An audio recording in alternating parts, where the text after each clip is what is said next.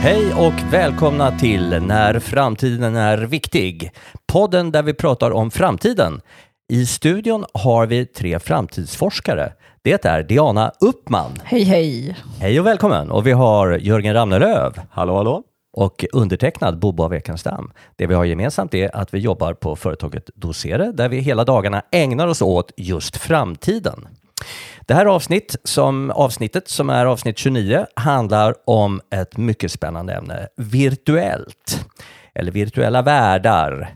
Eh, och det eh, är ett ämne som är högaktuellt Eh, och vi kommer inte att prata så mycket idag om trenderna inom det virtuella, utan vi kommer att prata mycket om konsekvenser på olika delar av samhället. Lite mm, samhällsfilosofiska frågor tänkte vi öppna med. Sen kommer vi prata om handel, utbildning, arbetsliv, eh, inverkan på kontor, eh, ekonomin, hur påverkas den? Och vi kommer att prata om staden. Men vi kommer inte ha någon uppdelning utan vi kommer att beröra alla dessa ämnen under det här samtalets gång. Men först, Jörgen, det här med ja. virtuellt, hur definierar man det? Det är massa förkortningar som flyger i luften, VR och AR och vad det kan vara för någonting. Jo, men det är det ju och alla har vi väl nästan vår egen definition vad det är. Eh, det är svårt att hitta någon jättegemensam. Eh, ett annat uttryck som har varit väldigt vanligt de senaste åren är ju metaverse också. Det här med att liksom skapandet av någon form av virtuell eh, alternativ värld som vi ska befolka. Eh, det man lite kan, om man bara försöker ändå lyfta blicken lite grann och bli lite mer liksom, ur ett mer helikopterperspektiv på det här området och inte snöa in för mycket på de här olika eh, förkortningarna då, så kan man säga att i, i grund och botten skulle jag vilja säga handlar om att vi ska försöka göra eller det man försöker göra är ju att den här tvådimensionella upplevelsen som vi har idag av internet eller av olika digitala saker som ju är ganska platt. Sådär, liksom man ser ljud, bild, eh, text. Tvådimensionellt. Ja, väldigt tvådimensionellt. Sådär, liksom. Det är ju att vi då rör oss mot en, en, en utveckling där det blir allt mera tredimensionellt.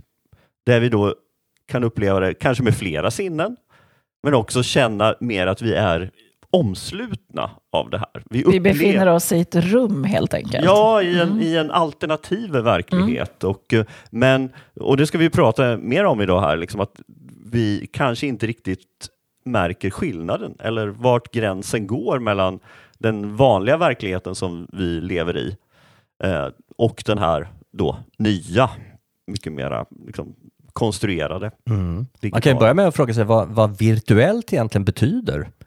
Har vi någon tanke kring det? Om man googlar lite så är det, ja, men det är motsatsen till fysiskt. Eh, och, och, och, virtuellt, ja men det är beteckning på något som inte realiseras i sin vanliga materiella form.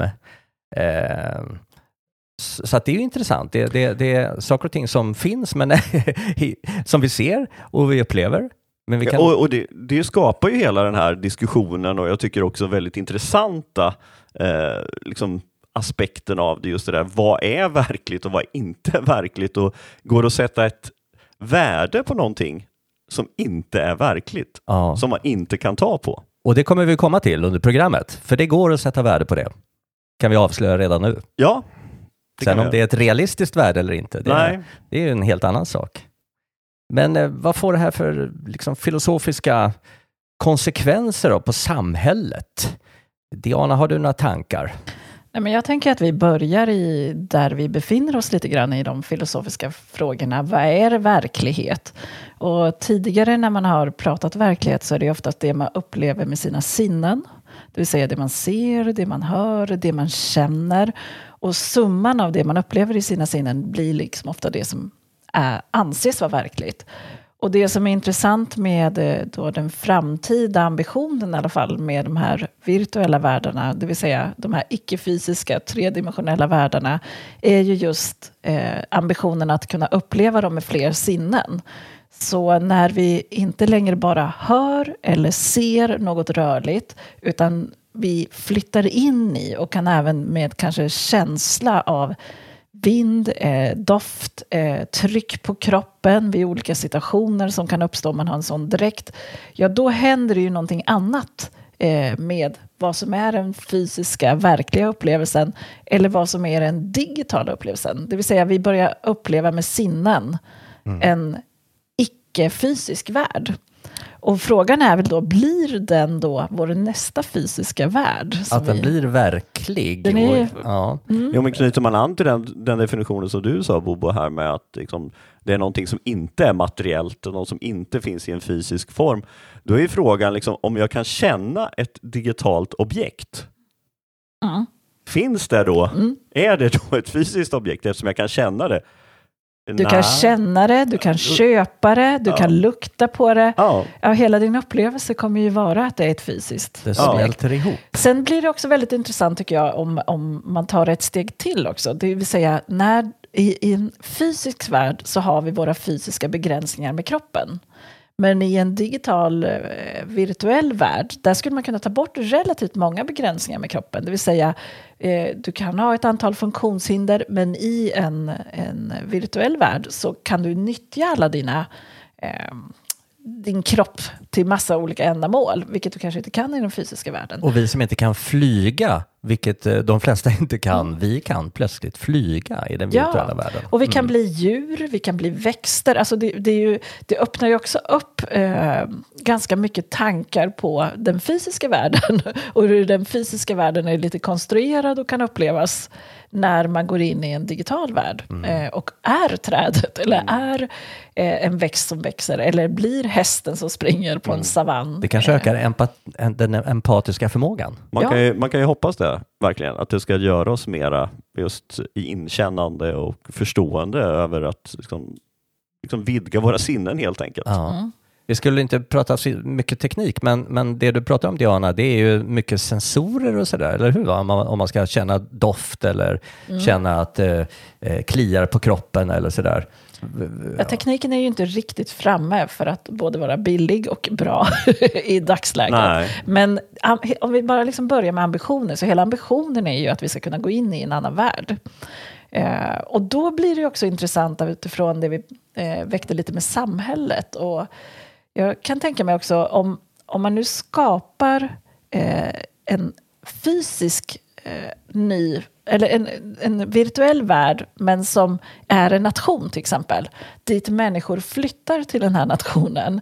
Eh, den här virtuella världen är en nation med lagar och regler, eh, värderingar som attraherar väldigt många människor.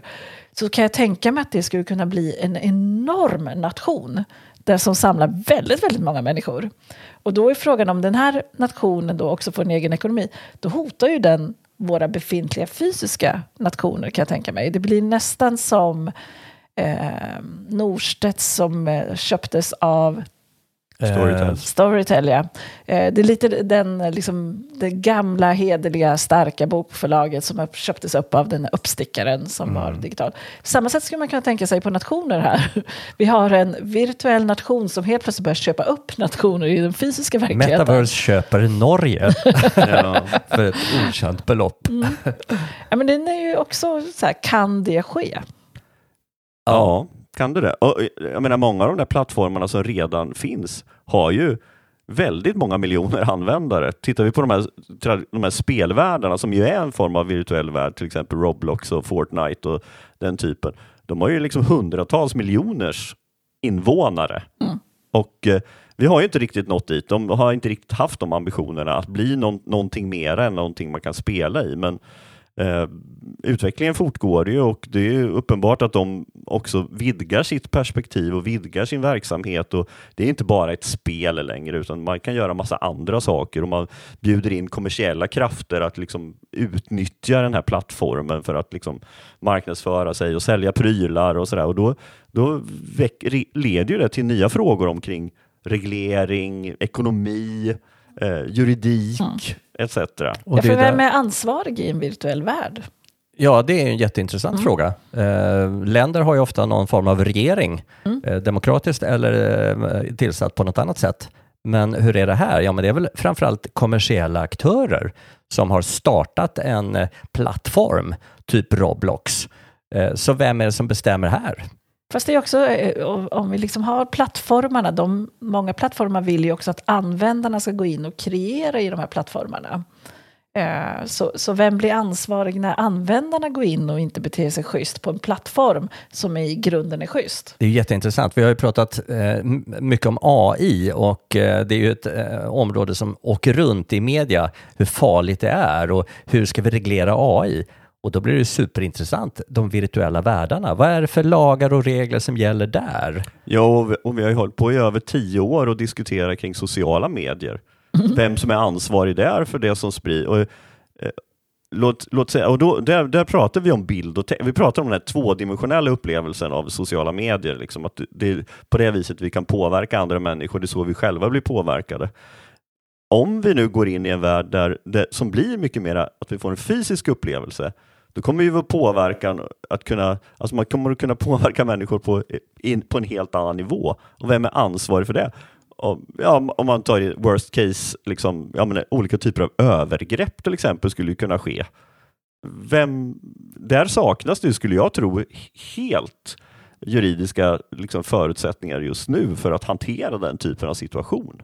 Mm, de ramlar väl ner, ner i respektive lands lagstiftning Ja, om det och, nu är något övergrepp. Men eh, och, och frågan är ju då i vilket land, alltså, Ja. det, det är ju också en sån, liksom, vad, när, de här har ju ingen geografi riktigt.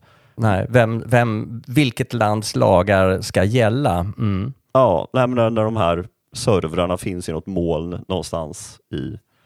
Ja.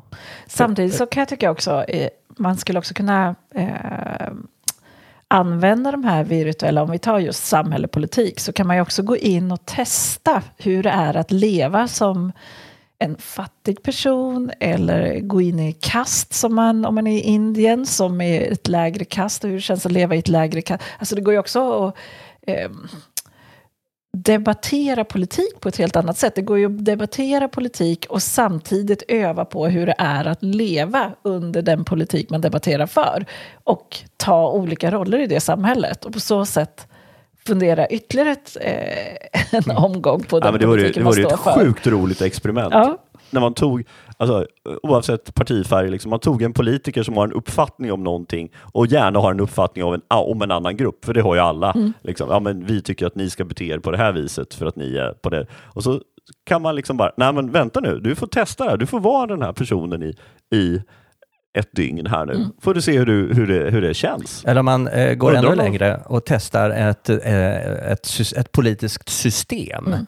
Man låter Kristdemokraternas politik slå igenom helt och hållet i en värld Ja. och ser hur är den världen? Är det den vi vill ha? Och så antar Så man... att man simulerar. Ja, precis. Och då kan man också se både hur handel utvecklas, hur eh, familjelivet utvecklas och också hur olika grupperingar av människor eh, får frihet eller icke-frihet. Det skulle ju vara jätteintressant. Det finns ju en filosof som har gjort det här som ett tankeexperiment som heter John Rawl. Eh, och där, han säger ju att man ska gå bakom en liten duk och eh, så ska man föreställa sig att vara eh, de, sämst, de som får sämst fördelar i samhället. Eh, och så testar man olika politiska filosofier och ideologier och så ser man eh, hur, hur mår jag som lite sämre i det här? Och eh, om jag då är sämre, vad skulle jag vilja föra för politik? Eh, utifrån den samhällsklass jag har. Och så på så sätt så bygger man en politik som är till för så många som möjligt. Enligt hans synsätt. Och det här skulle- skulle kunna vara ett sånt eh, test. Men man.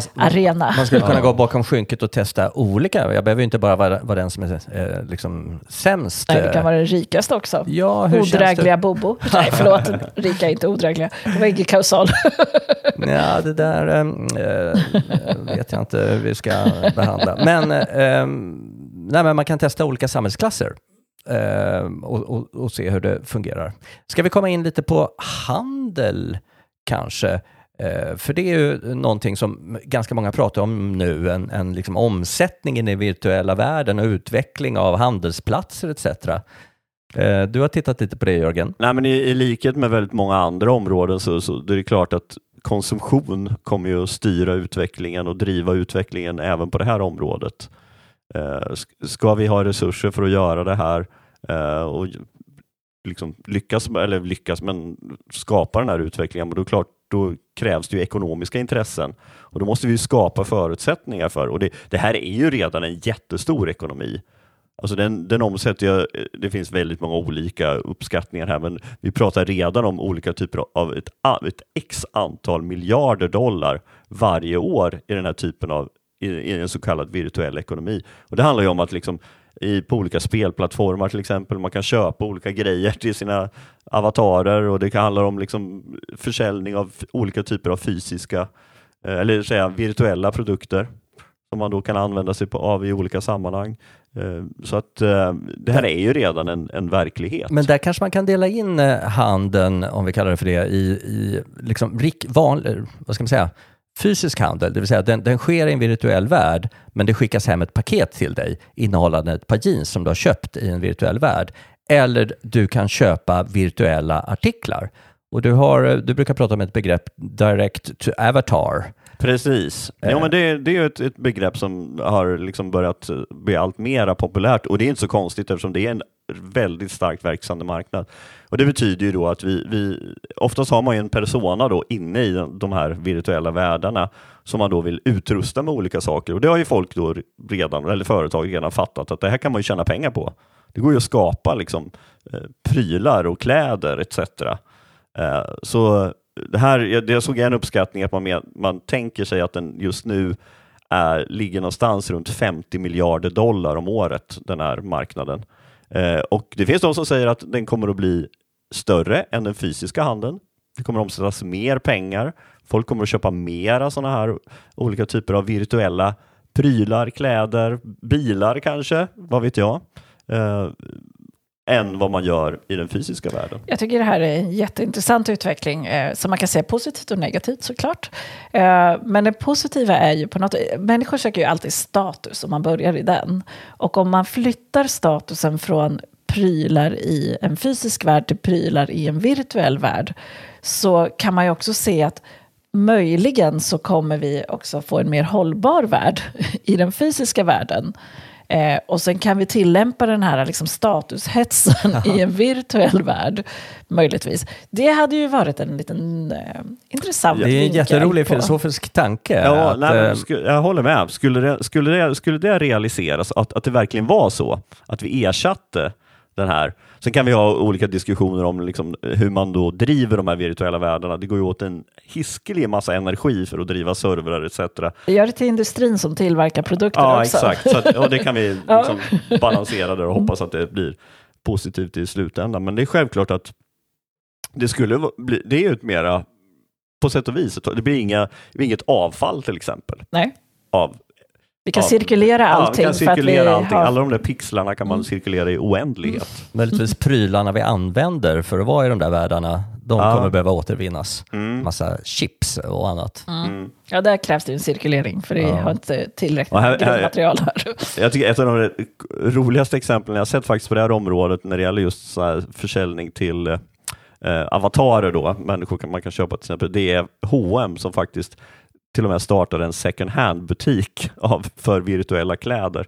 Det tycker jag är rätt coolt faktiskt. det, det, är så, det är så knasigt, liksom. Vadå? Det går liksom inte. De, de märks ju inte att de har använts. Nej, men... man tänkte just det. Hur, hur skiljer man på en eh, Nej, begagnad man, virtuell eh, jacka? Ja. Men jag tycker det var en otroligt kul idé. Ja, ja men det är, ju, det är ju också status igen då. En, ja. en modell A 1982 har ju troligtvis en högre status än en modell A 2023. Ja av ja. en jacka exempelvis. Eh, en intressant aspekt av det här med handeln är ju eh, hur man betalar och valutor. Och här pratar man om, om virtuella valutasystem. Eh, och många av de här spelen som du nämner, de har ju sina egna valutor. men sen har vi det här med kryptovalutor. En, en, del kryptovalutor kan man ju använda på många ställen såsom liksom bitcoin, ethereum och, och, och så vidare. Eh, och man skiljer ju lite på, på slutna valutor, sådana som man, man liksom bara kan använda då i ett system. Men sen finns det ju dubbelriktade valutor som eh, man liksom tjänar pengar i den virtuella världen som man sen kan ta ut i vanlig valuta. Eh, det är ju intressant då om man blir en arbetare i den virtuella världen. Det är där jag... Vad jobbar du med Diana? Ja, jag jobbar i Roblox som eh, Nej, någonting konstnär. På måndagar. Ja, just det. Nej, men det där är ju redan en verklighet. Ja. Alltså det finns ju, det, det, det finns ju en, en, ganska stor grupp människor i världen som försörjer sig på det här viset. Som, som just tillverkar alla de här digitala prylar eller virtuella prylarna vi pratade om nyss. Det finns ju människor som, som har det som sitt yrke. Som sitter här... och designar och sen säljer det på olika typer av plattformar, marknadsplatser som finns. Faktiskt. Så, så här dyker upp en ny arbetsmarknad. Eh, ja. Är inte det lite intressant med tanke på ökande arbetslöshet etc. Eh, här borde det eh, öppnas upp nya möjligheter och ganska gränslösa möjligheter. Jo, och det, det, det är lite klassiska exemplet där man pratar mycket om förändring och vi har, kan ju dra parallellen till artificiell intelligens just nu, då, liksom det här med den här rädslan för att den här nya förändringen ska göra att arbetstillfällen försvinner. Det är, och det, delvis är det ju så på vissa områden. Men också så får man ju inte ignorera den här möjligheten att det faktiskt skapas nya möjligheter och nya chanser för människor och kanske till och med för människor som tidigare inte haft det, i, i, den bästa av världar så, så, blir det lite mer demokratiskt. Det är liksom lite enklare att ta sig in. Nu är inte jag så säker på att det blir så i, i verkligheten, i, i, realiteten. Men... I vilken verklighet är du nu? Ja, precis. I min önskeverklighet, om man säger så. Uh, så det tycker jag, nej, men det, det är verkligen intressant. Och det, där har ju till exempel Nike har ju, liksom, har ju nu, kör ju en betatest i, på ett, en plattform som de kallar för Swoosh, där man då just skapar de här möjligheterna för människor att kreera virtuella, men också skapar en marknadsplats. Men sen tycker jag också om man knyter an till det du pratade om, började prata om med, Bo, med de här, eh, vad heter kryptovalutorna och sådär. Det som jag tycker är jätteintressant är ju att de inte har någon koppling till vår andra ekonomi. Alltså, de flesta av de här har ju startats av kommersiella intressen. Eh, och Bitcoin som vi har pratat väldigt mycket om, det vet man ju inte ens vem det var som startade. Det är ju fortfarande en hemlighet. Mm. Och det är, ing, det, finns ing, det är väldigt liten reglering, det finns ingen koppling till den, den vanliga ekonomin, så att säga, finansiella ekonomin. Men här kan man då säga att det pågår en del arbete. Inom EU så jobbar man med att undersöka det här med, eller inte undersöka utan, utan ta ställning till hur man ska ha det med kryptotillgångar. Eh, ska det regleras och i så fall på vilket sätt? Eh, och, och där kan man se att inom EU, där har man en ganska positiv inställning till kryptovalutor. I Kina och ett antal andra länder, där har man förbjudit det, som Egypten och eh, ja, en, en, en hel rad olika länder. Eh, och sen finns det de eh, länder som har indirekt förbjudit kryptovalutor genom att, att, inte, att man inte får koppla det till eh, liksom landets finansiella system. Och så finns det de som gör tvärtom, som till exempel Venezuela som gjorde bitcoin till sin officiella valuta. Ja, hur gick det? Det gick åt skogen. Ja, så, så nu är man tillbaka? Det vet jag faktiskt inte om man har helt avbrutit experimentet, men eh, som vi alla vet så fluktuerar ju de här liksom valutakursen för bitcoin väldigt, väldigt kraftigt. Det kan vi snacka om, liksom, om vi pratar om inflation som liksom går 10-12 procent eh, upp eller ner. Sådär. Det, här pratar vi ju ibland om hundratals procent som det förändras. Ja, ja. Och det kan man ju inte bygga ett lands... Ett, ett begrepp som kan vara bra att känna till är stablecoins. Uh, här pratar man om de här valutorna kopplade då till någonting som till exempel dollarn. Uh, och, och, och, där finns det ett antal stablecoins. Uh, Tether, USD coin, Binance, de är kopplade till riktiga valutor. Så att det här börjar nu dyka upp, men det här är ju... Men de är, det är väl enkelriktad. Det är ju inte så att eh, amerikanska centralbanken har godkänt att de är kopplade, utan det är väl snarare från andra hållet man kopplar. Eh, möjligtvis. De sätter en, en eh, valutakurs själva. Liksom. Men de ska vara kopplade ett till ett mot amerikanska dollarn. Jaha, mm. Okay. Så att eh, det, det, det, ska vara lite tryggare. Och I Sverige tittar man på det här med e-krona också. Ja, det är spännande. Eh, ja. ja. väldigt intressant. Så att eh, här, för finansiella sektorn finns det mycket att hålla koll på här. Jo, mm. nej, men just det där att man liksom eh, idén tycker jag är intressant, att skapa just med just kryptotekniken i botten, att, att det skulle kunna skapa ett mera stabilt finansiellt system och underlätta vissa typer av, bland annat pratar man ju om det här att man i alla fall finns en potential att minska risken för just svart, svart, en svart ekonomi. Just det. för att det blir spårbart. Men sen finns det en andra sida av det som gör att man kan ju, ha, man kan ju vara anonym då, anonyma tillgångar. Det enda som syns är den här teckenraden där det står att man äger det. Så Mm. det, det finns nog båda sidor av det. Och där har vi det här begreppet NFT. Eh, det har man eh, nästan glömt bort. Det var ett par år sedan vi pratade om NFT, Non-Fungible Tokens. Mm. Eh, digitala prylar som man då stoppar in i en blockkedja lite förenklat och som bevisligen ägs av Diana. Den här tavlan Ja, den har ju- köpt för eh, 10 miljoner. Nej, men ska, ska vi ha en virtuell ekonomi med virtuella varor, då är den typen av teknik eh, väsentlig. Alltså den, vi måste ha det. Blockkedjetekniken. Ja, vi, vi Mm. måste ha en teknik som säkerställer den digitala äganderätten.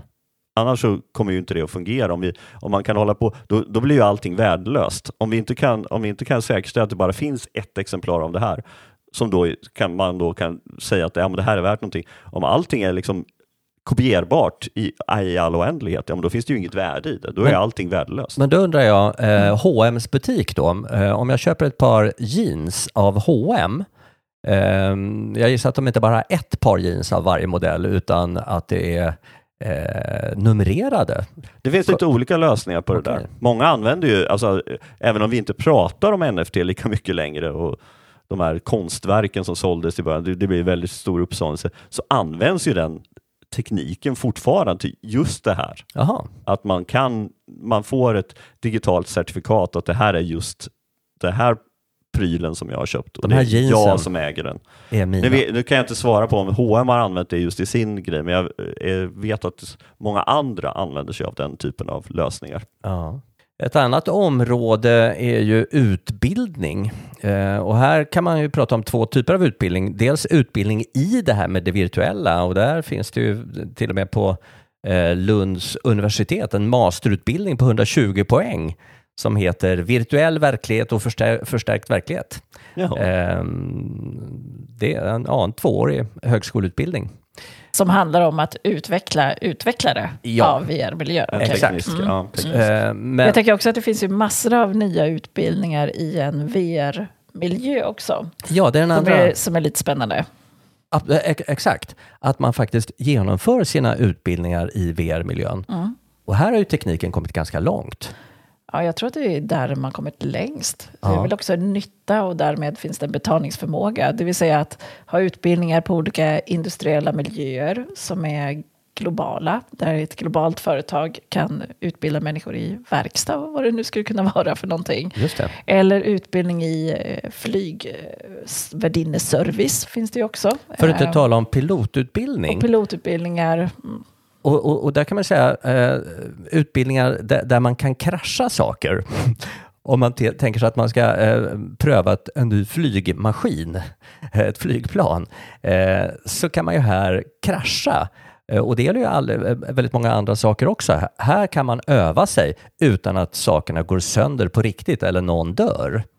Eh, så här finns ju en jättepotential. Ja, ja, absolut. Man kan ju tänka, man, det är ju det är bara fantasin som sätter gränsen. Det finns ju hur många situationer man kan tänka sig att det skulle behöva, att det här skulle kunna funka. Och det, det som du säger Diana, det här finns ju redan. Det, är ju, det, är ju, det här är ju en etablerad användningsområde och en etablerad marknad att erbjuda u- utbildningar i en, i en virtuell vil- miljö. Exakt, eller workshops. Visst Ja. hade du tittat på det Diana med såna här, det finns ju fina whiteboards och allt tänkbart i virtuella världar idag. Mm. Jag tycker fortfarande att jag inte har hittat det optimala. finns säkert i någon spelmiljö, optimala workshop-verktyg. Men eh, fortfarande känns det relativt platt som det är idag. Ja. Eh, man skulle ju vilja gå in och möta sina avatarer mycket mer tydligt eh, i en virtuell värld.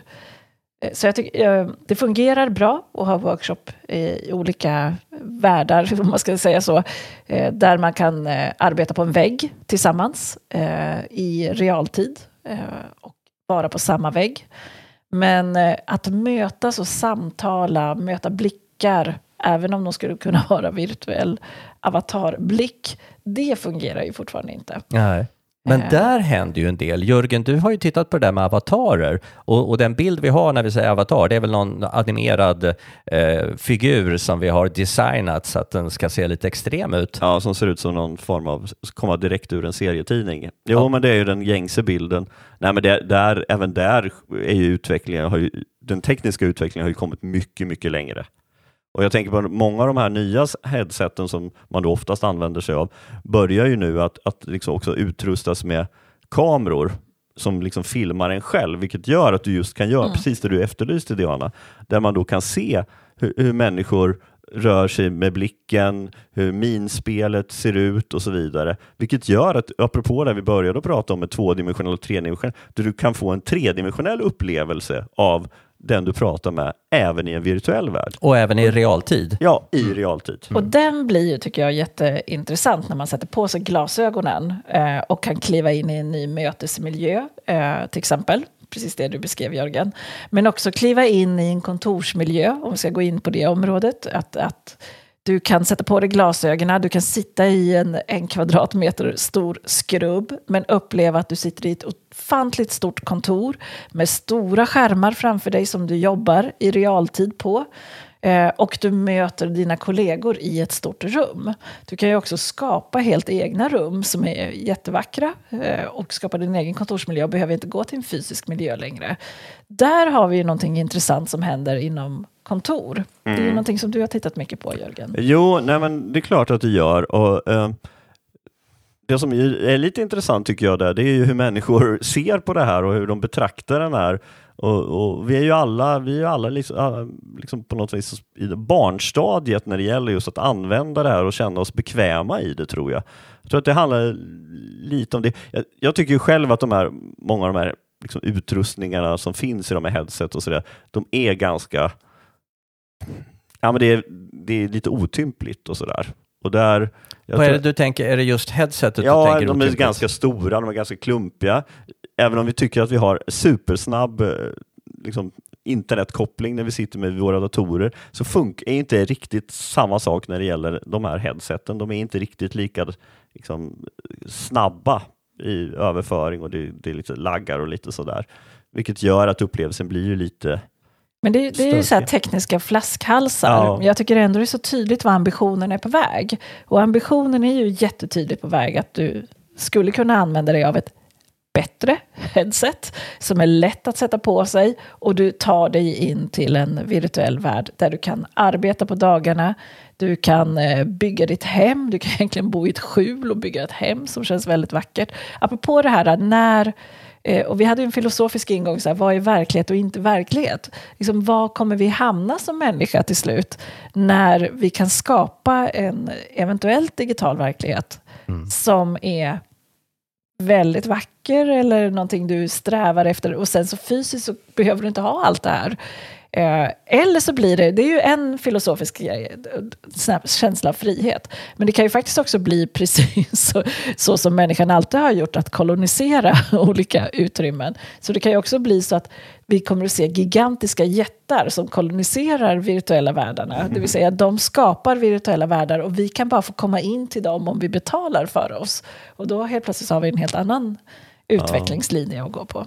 Det finns ju en, en eh, eh, väldigt eh, bra beskrivning av det där i den här filmen som kom nu, det är ganska många år sedan, som heter Ready Player One, som ju är exakt den typen av framtid där man då, där människor bor i containrar i trailer parks eh, och liksom den fysiska miljön är helt miserabel, men alla tillbringar sina dagar i den här virtuella världen som då är fantastisk och har inga begränsningar och Så, sådär. så känslan är att jag går till ett vackert kontor och jag Ja. jobbar på ett framgångsrikt företag och jag bor i en fantastisk villa med pool Precis. och palmer. Och i, i, i, i, i, egentligen så är det liksom otroligt torftigt. När jag tar av mig headsetet Ja. så kommer jag till en annan verklighet. Och, och, och det, om man bara låter tanken gå vidare, där, liksom, tänk om vi hamnar i det. Vad, vad händer med människan då? Mm. Alltså rent mentalt. Alltså, Jag satt också och tänkte på det. Jag tänkte så här, vi, vi kanske förstör jorden, vi koloniserar i rymden någonstans och bor ganska isolerade i något så här cirkulärt litet rymdskepp. Mm. Och, eh, men våra upplevelser är att vi är på jorden fortfarande. Skulle det kunna leda till att man bryr sig mindre om den, det som vi idag kallar den verkliga verkligheten? Eh, man bor i ett trashigt område och man bryr sig inte så mycket om, ingen klipper gräset eller eh, tömmer soporna och, troligtvis, och sådär. Troligtvis så kommer vi ju ha flera parallella verkligheter även i den fysiska världen. Eh, man skulle kunna se flera scenarier här. Jag skulle kunna se scenarier precis eh, det du säger att det finns en, en ekonomisk skikt som är eh, lite fattigare i samhället som säkert lever mycket större liv i digitala världar eh, större delen av sitt liv. Medan vi kanske också har en väldigt förmögen del av en befolkning som faktiskt går in i en reell värld och stänger av virtuella världarna. De vill inte ha med den att göra. Den upplevs låg status och fattig. En polarisering. en polarisering som mm. blir också ja. mellan de virtuella och fysiska världarna. Det skulle ju eh, det känns inte helt osannolikt att det skulle kunna gå åt det hållet med tanke på hur eh, olika techägare hela tiden nu söker platser som inte ska kunna utsättas för eh, samhällshot eller platser som är de bästa platserna efter vi har haft en dystopisk klimatkatastrof. Eh, då ser man lite den här eh, förskjutningen och de vill, många av techentreprenörerna vill inte låta sina barn befinna sig på i virtuella världar. Eh, någonting händer här. Mm. Jag, jag, tycker det här är en väldigt svår diskussion. För jag undrar ibland, har jag, har jag tittat på för många science fiction-filmer? För jag tycker ibland att jag har svårt, liksom, okej, okay, är det här verkligen, kan det verkligen bli så här? Är det, eller har jag bara blivit så himla påverkad av alla filmer och böcker jag har läst på det här området? Som, så många har just det temat. Just ja, det här med olika sa, sa, mm. klasser i samhället och vissa är liksom den teknoaristokratin och vi har de här liksom proletariatet längst ner som knappt har tillgång till det här utan ska liksom serva hela alla den där technoaristokratin och sådär. Jag har ingen aning om det ens är tänkbart att det ska Jag vet inte så. om vi ska skilja verkligheterna så olika heller. Mycket av det som vi hämtar från science fictions eh, fiktiva världar då, ja. de har ju många gånger slagit in i vår fysiska värld. Och precis samma sak här så tror jag att science fiction i de virtuella världarna kommer att få stå in i en fysisk värld. Det jag vill säga är, jag tror aldrig på en antingen eller-värld. Jag tror att vi kommer att ha ett skikt av eh, olika typer av världar. Eh, sen så kommer det finnas någonting som dominerar. Eh, och det som sannolikt ser ut att hända är ju att vi kommer få en dominerande virtuell värld vi kommer att gå in i. Eller, eller en, en mix. Eh, en, eh, vad kallar man det? MR, alltså mixed reality. Mm. Eh, är väl, och digifysisk, det är också mm. ett begrepp som man pratar mycket om. Och jag tänker om man kommer in lite på staden eh, och, och, hur den liksom, eh, hur ser den digifysiska staden ut? Jag, nej, jag tror att den här, det vi pratar om, lite det du också säger Diana, det är inte antingen eller, utan det jag tror att vi, de flesta av oss kommer att möta den här typen av framtid eller utveckling, det är just blandningen. Mm. Och att vi i, i liksom den, den, den, det vi nu kallar den virtuella världen, den kommer att bli mycket mer fysisk i framtiden. Och den fysiska världen som vi lever i kommer att bli mycket mer virtuell. Det är liksom den utveckling jag tror vi har framför oss. Mm.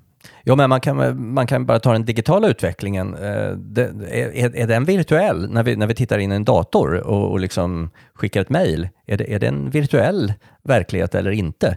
Um, innan det kom skulle man väl nästan säga, ja det verkar ju konstigt, det måste vara något virtuellt. Mm. Uh, men det är ju verkligen en del av varje mans och kvinnas vardag idag. Nej men, nej, men tänk att du, val, eller, ta en situation när du är, befinner dig i staden, vi pratade ju om det, mm. och sen så, så står du står vid en busshållplats och ska åka buss, och så tar du upp din mobiltelefon idag och då gör massa saker där och får information om den fysiska världen. Du kan till, kanske till, till och med se liksom, att bussen är på väg, den kommer här. Vart befinner du dig då? Mm. Då är det ju en liten mixed reality, ja. fast du fortfarande är lite tvådimensionellt platt ja. i det som är informationen du får. Mm. Du kan få information i realtid var bussen befinner sig. Du kan också se eh, kartbilder, hur den kör i en stadsmiljö, men fortfarande i en i en tvådimensionell värld. Mm. Eh, mer intressant blir det ju när du börjar se den i tredimensionell. Och det mötet, att du kan gå i en stad och se eh, virtuella kulturhändelser eller virtuella butiker eller virtuella kontor till och med. Fast du befinner dig i en fysisk miljö. Eller tvärtom, du är i en virtuell miljö men känns som att du är i en fysisk miljö Mm. helt och hållet. Skulle man, Den där mixed realityn tror jag också kommer att ske. skulle man, Eh. alltså, Diana, du som jobbar mycket med stadsutveckling och städer, eh, skulle man kunna tänka sig att man går runt på stan och sen kommer man till en butik där de, eh, det sitter en liten skylt. Det här är en virtuell butik. Nu får du ta på dig dina glasögon och komma in till oss. Och så står man där eh, utanför och går in i den här butiken som är virtuell. Ja, I någon slags övergång så tror jag att det kan finnas sådana happenings och PR-trick. eh, det känns lite för simpelt om jag ska eh, vara ärlig. Ja. Jag, jag tror att det, det, övergången mellan den virtuella och den fysiska måste ske mycket enklare än med det här headsetet som finns idag. Så att sätta på sig ett headset för att kliva över gränsen, det tror jag det är just den gränsen vi måste skjuta bort, eller förskjuta, eh, för att det ska bli den här riktiga mixen av en virtuell värld och en fysisk värld. Det är när de sömlöst mer går in i varandra som jag tror att det kommer att ske de stora förändringarna. Och jag tror inte att den utvecklingen är jättelångt bort. Jag tycker det är, vi är inne i en liten tipping point och en brytningstid. Så jag tror att den utvecklingen, vi har sagt det i 20 år Ja. där man håller på med framtidsspaningar. Men just nu så finns det så många tipppunkter som gör att vi kan ta oss dit ganska snabbt. Och, och när du säger eh, liksom, kliva in i den virtuella världen, att det är en, eh, en, en stor grej, då, då tänker man ju idag lite på att man ska dra, dra på sig något VR-headset. Eh, Så det är en ren teknikfråga. Det kanske bara betyder att man trycker på en knapp på de linser man har eller, eller vanliga glasögon så eh, är man inne i den virtuella världen och sen trycker man på en annan knapp så är man i verkliga världen. Det, det är ju så lite MR fungerar. Sen så måste ju hela tiden så här, vad vill vi människor? kommer ju alltid vara en fråga i det här också. Ibland så känns det som Ja. tekniken överfaller en och så blir man slav under tekniken och det är så man vill leva. Eh, det blir lite så när vi tar de här framtids, eh, olika framtidsscenarierna som kan komma. Men det är ju fortfarande så här, vad vill vi människor? Eh, och om en majoritet av människorna kommer säga så här, nej men du, det här med virtuella världar, det stänger vi ner. Då kommer vi ju stänga ner den. om den känns för olustig eller vi får för mycket problem i en virtuell värld. Problemet är väl att alla kommer inte säga samma sak, utan en del kommer nog säga vi stänger ner det här, ungefär som en del drar sig ur eh, sociala medier och säger jag är inte där, men alla gör inte det. Nej, men om tillräckligt många gör det så kommer inte sociala medier finnas och gör tillräckligt många det så kommer inte virtuella. Alltså det finns hela tiden den här kampen om liksom vad vi vill ha.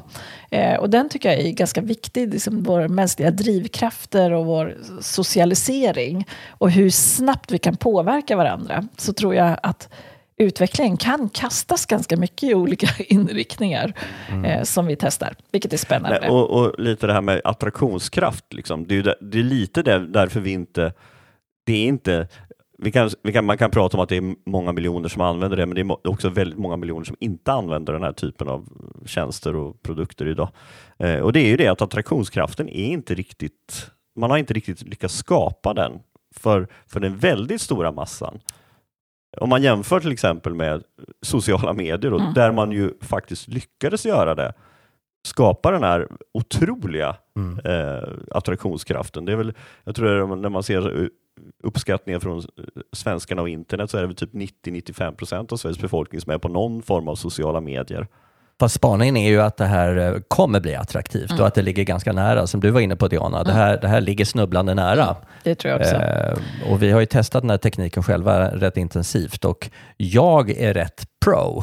Jag tycker nog att det finns en tung eh, attraktion i att dra på sig faktiskt, som vi gör idag, ett VR-headset och eh, göra olika saker, sitta och jobba eller eh, eh, åka till någon, någon planet fråga- ja, eller precis. ISS. Och frågan är liksom vad vi går för steg här. Eh, jag tror ju precis som du säger här, eh, då, att vill man ha stegen att man börjar jobba i VR, då kommer det gå fort i resterande utveckling också, för vi tillbringar så mycket tid i arbete. Mm. Så börjar vi sätta på oss VR-glasögon för att arbeta, ja då kommer vi också göra det på fritid och Ja, annat tror jag så- också. Men jag tänker också på staden här, vi pratade jättesnubblande lite på staden. Eh, dels så finns det ju en VR eh, värld just nu för staden. Det vill säga att man ska kunna gå in i bra medborgardialog för att utveckla den fysiska staden exempelvis. Eller att man testar olika testmiljöer för hur staden tål skyfall eller eh, samhällsfientliga hot eller vad skulle hända vid eh, ett cyberattack till exempel när massor av saker stängs ner. Jag Vad- är lite inne på det här med digitala tvillingar. Man gör Digitala en digital tvillingar, tvilling precis. av en stad. Ja, digitala tvillingar och stad. Och det, där finns det ju intressanta testmiljöer tycker jag som berör den fysiska staden. Och där har vi ju någon slags eh, egentligen virtuell värld och en fysisk miljö som nästan åker ihop i det här då. Eh, men sen så det jag tycker det är intressant som vi i, sällan berörs när det kommer till staden, det är ju virtuella städer. Alltså hur kommer en virtuell stad se ut? Alltså vad är det vi kommer se, uppleva, vad kommer det finnas där? Det vi ser idag är ju ofta så här att man hoppar mellan öar och så finns det något litet hus och lite palmer. Alltså det är ganska trista och känns ganska platta. Fast det finns ju lite butiker, det finns scener, det finns museer. Och då ser de nästan ut som den fysiska Ja. världen och då Ja, förstår det- jag det inte längre. För det är precis här jag tänker så här, vad är fantasin till framtidens stad i en virtuell värld? Ja, men det, är min spa, det är min spaning också. Att, eh, och det gäller inte bara liksom de här städerna eller miljöer, det är alla typer av miljöer också. Hur, hur de här, vi pratade avatarer tidigare, hur de ser ut. Att där har inte riktigt kreativiteten riktigt lossnat än. Vi är ganska, fortfarande ganska bundna i hur det ser ut i den verkliga världen och, och bara gör en kopia av det. Apropå det här med digital tvilling. Liksom. Det blir oftast så. Det blir liksom, ja men jag ser ut så här i verkligheten, ja men då ser jag ut så här i den virtuella världen. Trots att i, i den virtuella världen inte finns någon begränsning. Nej. Nej. det är ju jätteintressant att vår kreativitet verkligen begränsas av det vi har här och nu. Ja. Eh, alltså när vi kan drömma fritt, vad drömmer vi då? Jo, då drömmer vi det som finns nu, men kanske plus lite.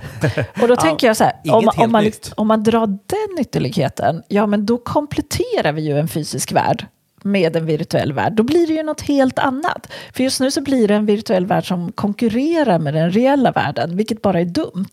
Utan här har vi, och det är lite så här som när det kom in betongbroar eh, och skulle ersätta träbroar, eller stålbroar som skulle ersätta träbroar, så byggde man dem i samma konstruktion och exakt likadan som träbroarna, fast det var ett nytt material. Och lite så är det i den här Ja, virtuella världen. Att vi liksom bygger den lika på det materialet vi har i den fysiska världen, när förutsättningen är att vi kan göra något fullkomligt annorlunda. Gränslöst. Och när vi gör gränslöst annorlunda, ja men då kommer det ju hända väldigt spännande saker i en virtuell värld. Men det ställer krav på våra hjärnor och vårt eh, sätt att tänka.